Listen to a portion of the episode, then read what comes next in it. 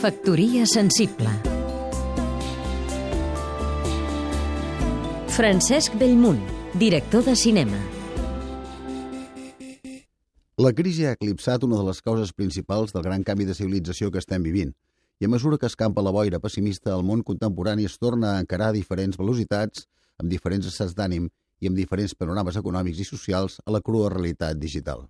Des d'una perspectiva conspirativa, semblaria com si la crisi s'hagués provocat per tapar els aspectes més dramàtics de la metamorfosi, una mena d'eutanàsia mediàtica per evitar a l'audiència els estertors del mort analògic moribund i les seves conseqüències. Segurament això no ha estat així, i com diu el pensador econòmic libanès Nassim Taleb, la revolució digital ha sigut un cinya negre, un convidat inesperat a la festa evolutiva de l'espècie humana.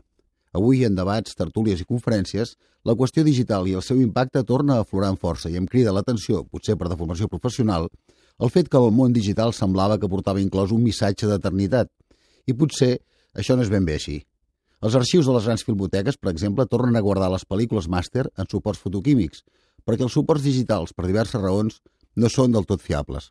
O sigui, que al costat d'un cinya negre torna a aparèixer aquell simpàtic boig conegut de la frase feta. Factoria sensible Seguim-nos també a catradio.cat